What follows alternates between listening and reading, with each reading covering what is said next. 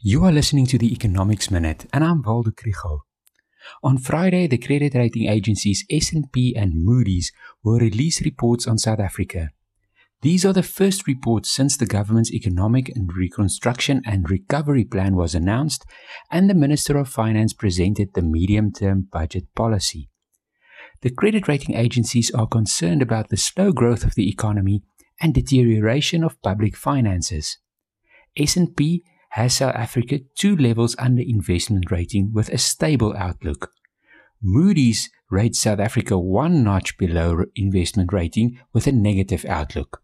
You may be wondering, what does this matter when we're already at junk status? It matters because the South African government borrows 2.1 billion rands per day in the capital market. The credit rating determines the interest rates that the government has to pay on debt the interest on government debt is about 12% of the spending in the budget. It is the fourth largest spending item, as much as health, and twice as much as all capital spending.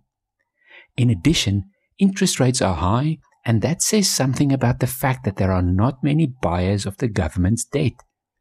The yield on the five year government bond is 6.25%, on the RSA 186 bond, it is 6.93%, and on the 2048 bond, it is 11.09.